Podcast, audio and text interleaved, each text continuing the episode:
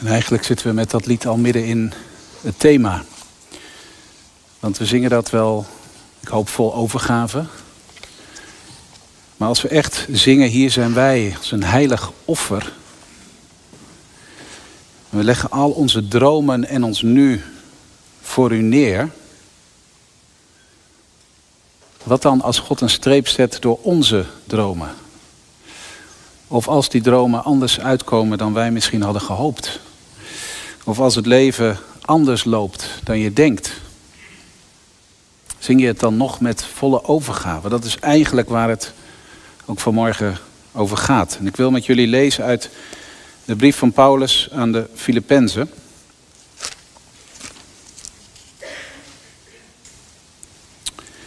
we lezen Filippenzen 1 vanaf vers 6 tot het einde. Waar Paulus eerst zijn dank en zijn vreugde uitspreekt over de gemeente. Omdat de gemeente zich zo ook heeft ingezet voor Paulus. En dan zegt hij in vers 6, ik ben ervan overtuigd dat hij, God, die dit goede werk bij u begonnen is, het ook zal voortzetten tot het voltooid is op de dag dat Jezus terugkomt. En het spreekt vanzelf dat ik zo over u denk, want u allen ligt me na aan het hart. U hebt immers allen deel aan de genade die mij geschonken is, nu ik gevangen zit. En de waarheid van het evangelie verdedig. God kan getuigen dat ik naar u allen verlang met de genegenheid van Jezus Christus. En ik bid dat uw liefde steeds meer aan inzicht en fijnzinnigheid wint, zodat u kunt onderscheiden waarop het aankomt. In die complexiteit van het leven. En dan zul je op de dag van Christus zuiver en onberispelijk zijn, vol van de vruchten van de gerechtigheid die u dankt aan Jezus Christus tot lof en eer van God. U moet weten, broeders en zusters, dat wat mij is overkomen, en dat is dat hij in, gevangenis, in de gevangenis zit, er juist toe bijdraagt dat het evangelie wordt verspreid. Want het is iedereen in het Romeinse hoofdkwartier en alle anderen duidelijk geworden dat ik gevangen zit omwille van Christus. Bovendien durven de meeste broeders en zusters, omdat ze door mijn gevangenschap vertrouwen in de Heer hebben gekregen, de boodschap nog onbevreesder te verkondigen. En sommigen doen dat misschien wel uit rivaliteit en afgunst, maar anderen verkondigen Christus met goede bedoelingen. Ze doen het uit liefde, in het besef dat ik de taak heb het evangelie te verdedigen. De eerste verkondigen daarentegen Christus uit geldingsdrang, met onzuivere bedoelingen, in de veronderstelling dat ze zo mijn gevangenschap verzwaren. Maar goed, wat dan nog? Wat telt is dat Christus verkondigd wordt. Of het nu uit valse of oprechte motieven gebeurt. Dat het gebeurt verheugt me, maakt mij blij. Ja, maakt me werkelijk blij. Mijn vreugde is blijvend. Omdat ik weet dat dit alles door uw gebed en de hulp van de geest van Jezus Christus tot mijn redding leidt. Het is mijn stellige hoop en verwachting dat ik mij nergens voor zal hoeven te schamen. Integendeel, ik zal net als altijd in alle openheid spreken, zodat Christus, ook bij alles wat ik nu meemaak, zal worden geëerd, verheerlijkt. Of ik nu in leven blijf of moet sterven. Want voor mij is leven Christus en sterven winst. Als ik blijf leven, kan ik vruchtbaar werk doen, maar toch weet ik niet wat ik zou kiezen, want ik word naar twee kanten getrokken. Ik verlang aan de ene kant ernaar om te sterven en bij Christus te zijn. Dat is het allerbeste. Anderzijds is het meer in uw belang dat ik blijf leven. Omdat ik hiervan overtuigd ben, weet ik dat ik inderdaad voor u behouden zal blijven. Zodat uw geloof groter en vreugdevoller wordt. Wanneer ik bij u terugkeer, heb ik des te meer reden om, op Christus, om, op, om u op Christus Jezus te beroemen. Hier gaat het om. Blijf leven in overeenstemming met het evangelie van Christus zodat ik kan zien als ik bij u kom of als ik niet kom, over u kan horen. Dat u één van geest bent. Eensgezind strijdt voor het geloof in het evangelie. En dat u zich op geen enkele manier door uw tegenstanders angst laat aanjagen. Want als u standvastig blijft, is dat een teken van God. Voor hen dat ze ten onder gaan, maar voor u dat u wordt gered. Aan u is de genade geschonken, niet alleen in Christus te geloven, maar ook omwille van Hem, voor Hem te lijden. U voert dezelfde strijd die u mij vroeger hebt zien voeren en die ik, zoals u hoort, nog steeds voer. Tot zover de lezing uit de Bijbel van morgen. U bent gelukkig, u bent zalig als je het woord van God hoort en ook daar met heel je hart uit leeft. Ik wil een aantal gedachten delen over vers 29. Aan u is de genade geschonken, niet alleen in Christus te geloven, maar ook voor Hem te lijden.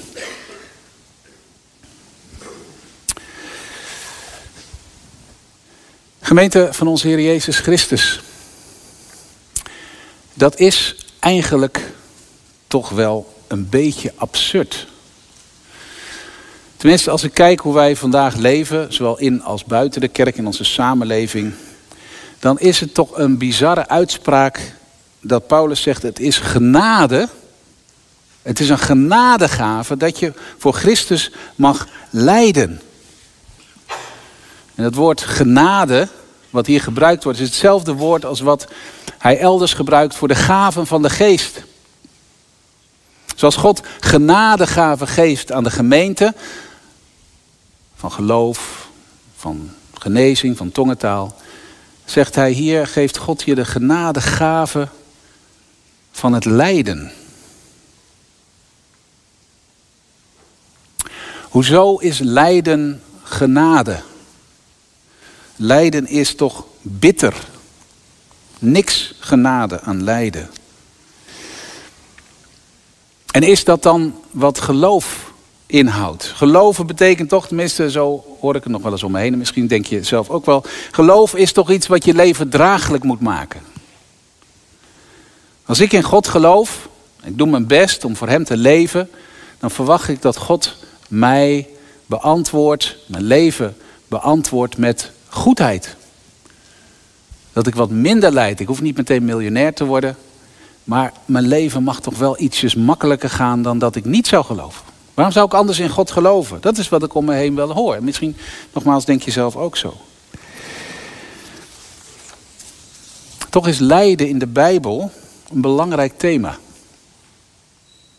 En niet alleen in het Nieuwe Testament iets dat overwonnen zal worden.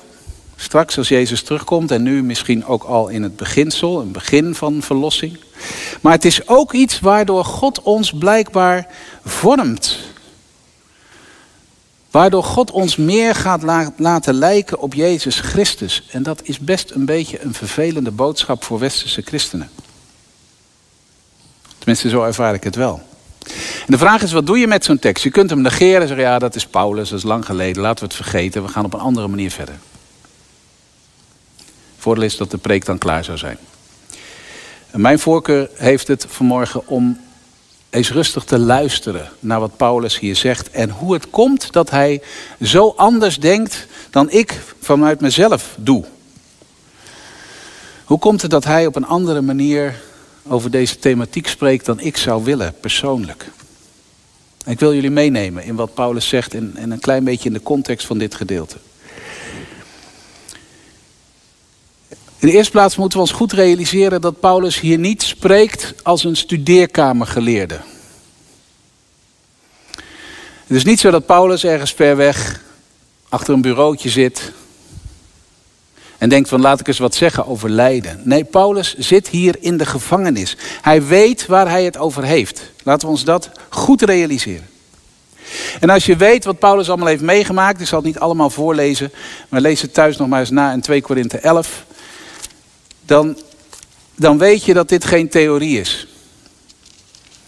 Paulus schrijft dat hij harder gezwoegd heeft dan wie ook. Vaker gevangen gezeten heeft. Meer lijfstraffen heeft ondergaan. Vaker in doodsnood geweest is.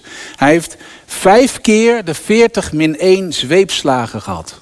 40 min 1. Driemaal met stokslagen gestraft. Eenmaal met stenen bekogeld. Drie keer schipbreuk geleden. Eén keer een heel etmaal op zee rondgedreven. Hij is bedreigd door rivieren, rovers, volksgenoten, vreemdelingen.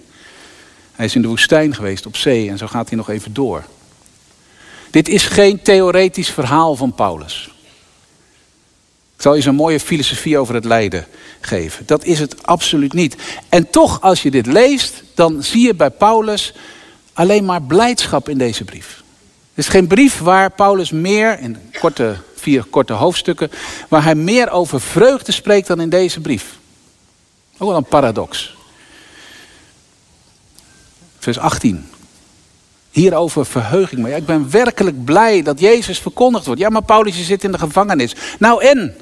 Jezus wordt verkondigd.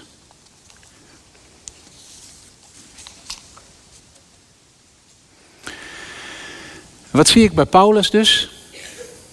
Een totaal ander perspectief op het leven dan ik vandaag de dag in mijn westerse comfortabele, tussen wat meer bedreigde bestaan ervaar. Als ik in de gevangenis zou zitten, dan zou ik als eerste vragen voor de gemeente, aan de gemeente om te bidden voor mijn bevrijding. Ja, tenzij ik natuurlijk iets verkeerds gedaan heb. Maar het gaat hier over iemand die niets verkeerds gedaan heeft en om zijn geloof in de gevangenis. Het eerste waar ik om zou bidden zelf is om bevrijding, om herstel, om genezing, om losgemaakt te worden. Dat doen wij toch, denk ik, als eerste. Een van de dingen die Open Doors ook doet. Bidden voor vervolgde gevangenen. En op zich is dat niet mis. Het is geen verkeerde vraag. Alsof lijden, alsof gevangenis op zich iets moois is. Natuurlijk niet.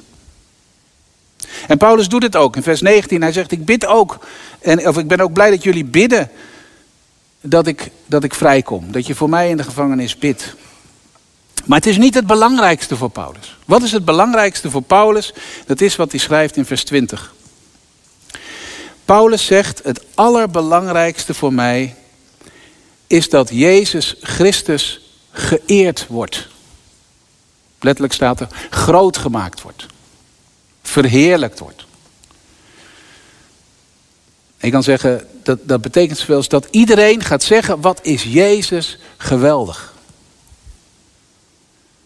Ik moet bij Jezus zijn. Hij is het leven. Zonder Hem is er geen bestaan. Wauw. Dat is wat Paulus zegt dat het belangrijkste is in zijn leven. Als ik Jezus heb, heb ik alles wat ik nodig heb. Dat is de drijvende kracht achter alles wat Paulus doet, zelfs als hij in de gevangenis zit. En het enige alternatief, wat staat daar tegenover voor Paulus, is niet dat Jezus een beetje minder verkondigd wordt, of dat mensen iets minder over Jezus gaan spreken. Wat er tegenover staat, is voor hem schaamte. Als dit niet gebeurt, als ik daar niet mijn bijdrage aan lever, dan schaam ik mij wezenloos. Opdat ik niet beschaamd zal staan, zegt hij. vers 20. Ik, het is mijn hoop en verwachting dat ik me nergens voor zal hoeven te schamen. En schamen, dat is dat je, dat je ineens het gevoel hebt midden op het podium te staan. Iedereen kijkt naar je en je zakt door de grond. Je gaat af. En voor Paulus is het zoiets van, dan is mijn leven zinloos geweest. Dat bedoelt hij met zich schamen. Het heeft allemaal geen nut gehad. Aan het eind van, de, van mijn leven wordt de balans opgemaakt en er blijft niks over. Ik weet niet of dat jouw angst soms is. Dat je aan het eind van je leven denkt, waar was het allemaal goed voor? Zinloos geweest, nutteloos geweest. Voor Paulus is het het een of het ander. Of hij, wordt, of hij verheerlijkt Jezus Christus in zijn leven. Of hij staat aan het eind van zijn leven en kijkt terug en zegt: Het is allemaal leeg, niets zinloos. En in dat licht is het voor hem om het even of hij nou wel of niet uit de gevangenis gaat. Je kunt je niet voorstellen. Paulus zegt maar even. Tuurlijk, ik hoop dat ik weer bij jullie terugkom, want dat is voor jullie het beste. Maar hij zegt, voor mij maakt het eigenlijk niet uit. Want het leven is voor mij Christus, maar als ik sterf, is het alleen maar winst. En waar het mij om gaat, is dat Christus verheerlijkt wordt als ik sterf. En de manier waarop ik sterf, dat mensen zullen zeggen: Wauw, hij heeft tot het einde toe zijn vertrouwen op Jezus gesteld. En als ik, als ik uit de gevangenis kom, wordt Jezus ook verheerlijkt. Want dan kom ik bij jullie terug en dan ga ik jullie verder helpen om Hem te verkondigen, om over Jezus te spreken. In het licht van zijn doel in het leven maakt het hem ten diepste niet uit of hij sterft of leeft. Kan ik me moeilijk voorstellen. Maar blijkbaar is dit zo centraal voor Paulus. En daarom zegt hij ook in vers 12 over zijn gevangenschap. ja, maak je er nou niet zo druk om. Het is niet iets wat het evangelie belemmert, maar het maakt alleen maar de verkondiging van het evangelie nog dieper en rijker. En er zijn nog meer mensen die het evangelie horen. En al die Romeinse uh, uh, soldaten en alles in de, in de, om de keizer heen, al die mensen, die hadden anders nooit het evangelie gehoord. Hij zegt, ze, ze moeten elke dag naar me luisteren. En bovendien, de gemeente is vrijmoedig geworden omdat ze mijn getuigenis zien in de gevangenis. Dat ik me niet laat kisten, dat ik niet van slag ben, maar dat ik zelfs nu nog Christus prijs.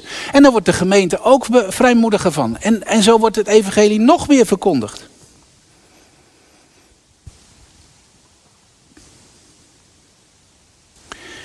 Met andere woorden, het lijden wat ik meemaak is relatief ten opzichte van de verheerlijking van Jezus Christus. Anders gezegd, ik ben zelfs dankbaar dat door mijn lijden in de gevangenis Jezus nog meer verheerlijkt wordt. Dat is de eerste hint waarom hij het heeft over genade. Hij praat er niet over dat het lijden nou ineens zo geweldig is geworden voor hem. Hij praat over de genade van het lijden. Dan gaan we al een beetje dichter bij de tekst. Het is genade om te lijden voor Christus, zegt Paulus. En dat zet mijn leven op zijn kop, want het is ten diepste een vraag aan mij. Wat vind je nou belangrijker? Een leven wat een beetje comfortabel doorgaat tot de wederkomst, of dat Christus verheerlijkt wordt?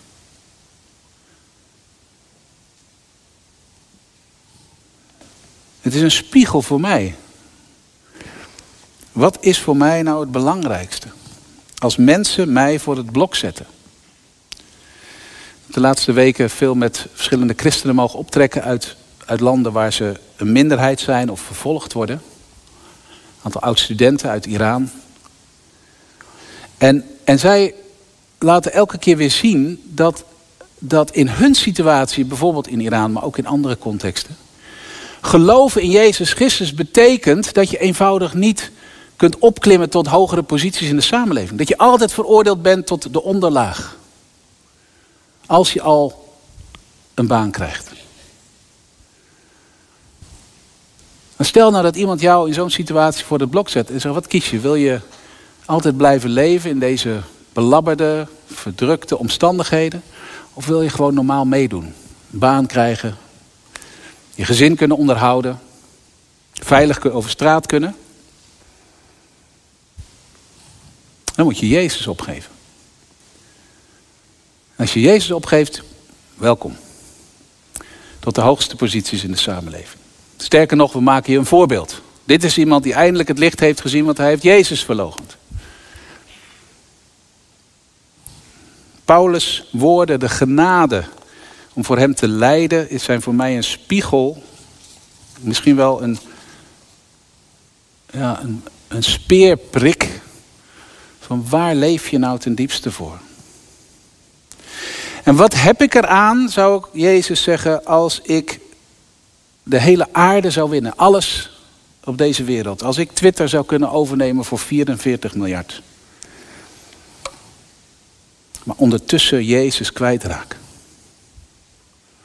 Paulus zegt, ik heb alles als schande, als drek, als niets gezien. Als, als iets wat ik niet nodig heb. Alles, mijn hele afkomst, mijn, mijn, dagelijks leven.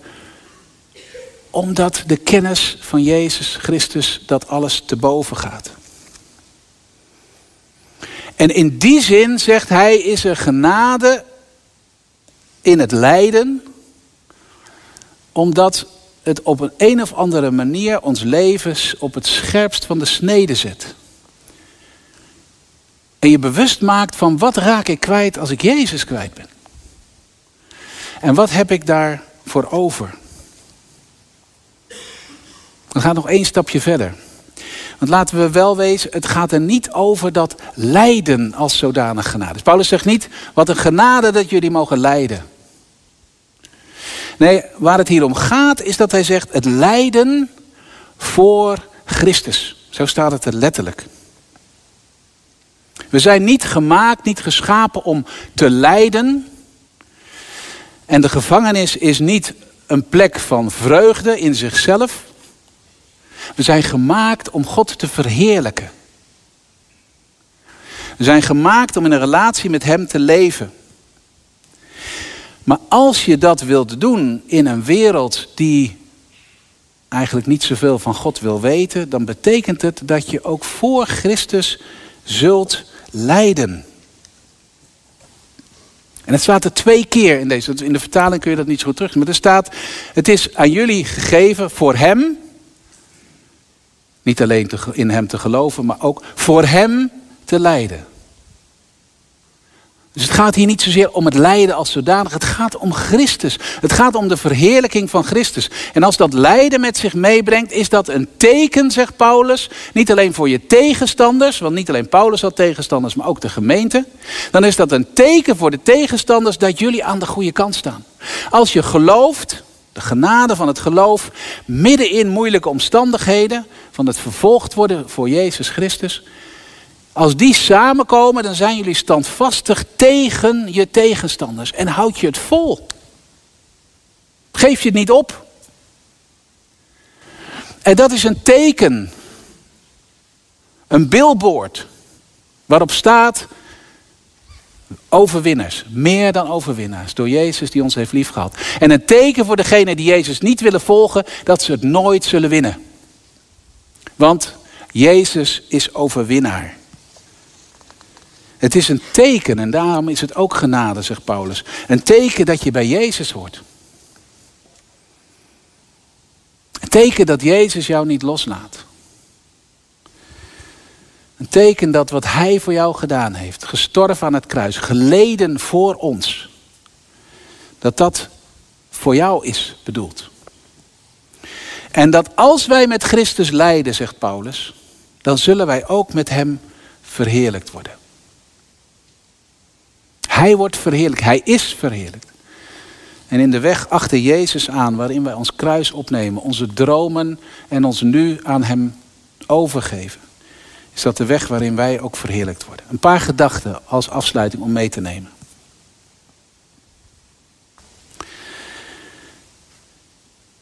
Als Paulus zegt, het lijden van, van jullie is de genade die Christus je geeft. Dan is dat in de eerste plaats, zoals ik zei, geen verheerlijking van het lijden, maar een appel aan jouw leven. Wat is nou ten diepste waar je voor leeft? Ik heb het best wel naar mijn zin in deze wereld. Ja, er zijn moeilijke tijden. En het is vandaag de dag chaotischer dan ooit. Maar ik kan nog niet zeggen dat ik zo leid als veel mensen in deze wereld. Of als de vervolgde kerk op heel veel plekken. Die Oud-studenten van mij. Uit Iran en andere plekken. Mijn diepste vraag zou zijn: hoe kan ik zo makkelijk mogelijk en zo comfortabel mogelijk het einde halen? Ik weet niet of je dat herkent. Maar deze tekst zet mijn leven op zijn kop. En dwingt mij de vraag te beantwoorden uiteindelijk. Wat is nou datgene wat het allerbelangrijkste is voor jou? Hoe belangrijk, hoe groot is Jezus Christus nou werkelijk voor jou? En hoeveel is Hij je waard? En misschien dat we in deze tijd als christenen steeds meer een minderheid worden, waardoor we dat misschien vaker zullen moeten, moeten zeggen tegen onszelf. Waar gaat het mij nou om in deze wereld? Ik wil mijn doel niet missen en ik ben gemaakt voor God om Hem te eren. Dat is de eerste vraag. De tweede vraag die, die eraan gekoppeld is natuurlijk, ja maar we hebben het nog niet zo moeilijk. Het ligt een beetje aan hoe je naar deze wereld kijkt, maar ik durf toch in vergelijking met veel christenen elders te zeggen dat wij niet in Nederland vervolgd worden. Je kunt weerstand ervaren, er kunnen moeilijke dingen zijn, je kunt uitgescholden worden. Dat hoort er ook bij, bij een stukje verzet tegen het evangelie misschien. Maar, maar we hebben nog steeds het recht en we kunnen nog steeds ons beroepen op de wet als we vervolgd worden. Wat moet je dan met deze tekst? Is dat een teken dat we dan niet bij Jezus horen? Nou, laten we ons niet te snel rijk rekenen. Wie werkelijk Jezus wil volgen, zegt Paulus, die zal weerstand ontmoeten. En misschien, zoals ik net zei, als, als deze wereld verder seculariseert en christenen werkelijk een minderheid blijven of worden ze nog meer, zou het zomaar lastiger kunnen worden om, om werkelijk Jezus te volgen. Maar de vraag is natuurlijk, wij lijden wel. Ook als we niet om ons geloof vervolgd worden, leven we in een gebroken wereld. Wat heeft dat er dan mee te maken? Is dat hetzelfde? Is dat ook genade? Nou, ik denk niet dat je dat zo op dezelfde manier zou kunnen zeggen. En tegelijkertijd is er voor Paulus ook weer niet zoveel verschil tussen vervolgd worden, lijden om Christus wil en leven in een gebroken wereld. Vaak gooit je dat op één hoop. Waarom? Omdat elke situatie, ook van lijden, wat niet met, direct met het evangelie te maken heeft. Elke situatie van lijden een uitdaging is voor de gelovigen. Wie vertrouw je nu werkelijk? Vertrouw je Jezus echt in alle omstandigheden? Leef je met de verwachting, ook in het lijden van elke dag, dat zelfs als je sterft, het winst is? Omdat Jezus je leven is. Of moet alles uit deze wereld komen? Dan is het lijden wel heel ongenadig. Want het belemmert je in alle mogelijkheden die je misschien hebt in deze wereld. Derde, waar Paulus heel sterk op hamert, is dat de gemeente in deze tijd een eenheid vormt. En dat is een appel die ook uit deze tekst komt. Want, want lijden kan alleen maar genadig zijn op het moment dat we, dat we samen zijn als gemeente en samen sterk staan. Tegen de weerstand die er is tegen het evangelie. Als ik één ding terughoor van die, van die christenen uit Iran, is dat, dat ze het hebben volgehouden omdat ze samen waren. Omdat ze elkaar bemoedigden. Omdat ze één van geest waren. Je redt dat niet in je eentje. En tijdens de burgeroorlog in Libanon in de jaren 70 en 80 Elke keer weer komt het terug dat christelijke gemeenschappen het volhielden, die bleven in Libanon, doordat ze elke week samenkwamen voor gebed en om de Bijbel te lezen, elkaar te bemoedigen. En zo open te staan voor het werk van de geest. En als ik christenen uit Irak hoor die, die in, onder het regime van ISIS hebben geleefd. Dan is de enige reden waarom ze het hebben overleefd. Dat ze elke keer samenkwamen om de Heer te zoeken. Elkaar te bemoedigen. En de kracht van de geest te ontvangen. Paulus zegt dat is toch het getuigenis van de gemeente. En ook daarin is deze tekst wat mij betreft een ongelofelijke spiegel en een wake-up call voor ons als christenen in Nederland. Wandel waardig het evangelie als de tijd lastig wordt en moeilijk wordt. Paulus zegt, één ding vraag ik van je. Blijf wandelen waardig het evangelie. Dat betekent Jezus volgen. Als gemeente eensgezind sterk staan om elkaar te bemoedigen en elkaar elke keer weer te dragen, ook in het gebed. Want daar gaat een getuigenis van uit. En dat is het enige doel dat Paulus heeft. Dat Jezus Christus groot gemaakt wordt. En of we nu lijden of niet, dat is waar het hem om gaat. En zelfs het lijden van de gevangenis waar hij in zit, kan dat niet ongedaan maken. En hij, hij geeft ons vanmorgen een, ja, een aanmoediging om de wedloop te lopen, om vol te houden met elkaar en zo een getuigenis te zijn. In deze wereld. Waar ieder voor zich vecht om een plaatsje op de eerste rang. Paulus zegt, laat die gezindheid bij u zijn die ook in Jezus Christus was. Waarbij je elkaar uitnemender acht dan jezelf. Maar waarbij je bovenal laat vullen met die, die, die houding van Jezus die zijn leven gaf. Die bereid was om te zeggen, het gaat om meer dan mijn welzijn in de hemel waar ik ben. En ik ben bereid om mens te worden en te lijden aan het kruis voor jullie. Wat een genade. Dat hij wilde lijden. Zullen we stil worden voor God.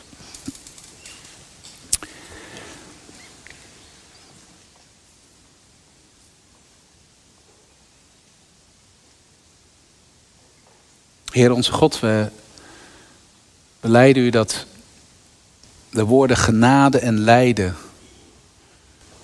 eh, zo tegen ons eigen gevoel ingaan. En we danken u dat het lijden zelf nooit genade is. Dat het een kwaad is wat in deze wereld gekomen is. En waar u eenmaal mee zult afrekenen. Maar we danken u dat u in deze wereld waar, waar wij weerstand ontmoeten. Waar we geconfronteerd worden met gebrokenheid. Dat u daarin ons niet loslaat. Maar ons vormt. Zodat we leren volharden. Zodat we leren incasseren. Zodat we leren om uw naam groot te maken. In alle omstandigheden. Heer God, we beleiden u. Dat kunnen wij alleen door de kracht van uw geest. En daarom bidden we u, kom Heilige Geest en vervul ons. Opdat onze waarden zo gelijk worden, gelijkvormig worden aan uw waarden. Dat ons verlangen wordt dat we u eren in alle omstandigheden. En dat we elkaar daarin ook bemoedigen en dragen. Met elkaar en voor elkaar biddend. Zegent u zo uw gemeente. Om zo gemeente te zijn. Als een teken van uw overwinning en uw genade. Als een lichtende ster te midden van een wereld vol duisternis. Hier zegent u uw gemeente zo. Zegen ons. Om Jezus te volgen. Juist als het heel erg moeilijk wordt. U bent bij machten oneindig veel meer te doen dan wij bidden of beseffen. En zo dragen we elkaar aan u op in dat besef. In Jezus' naam. Amen.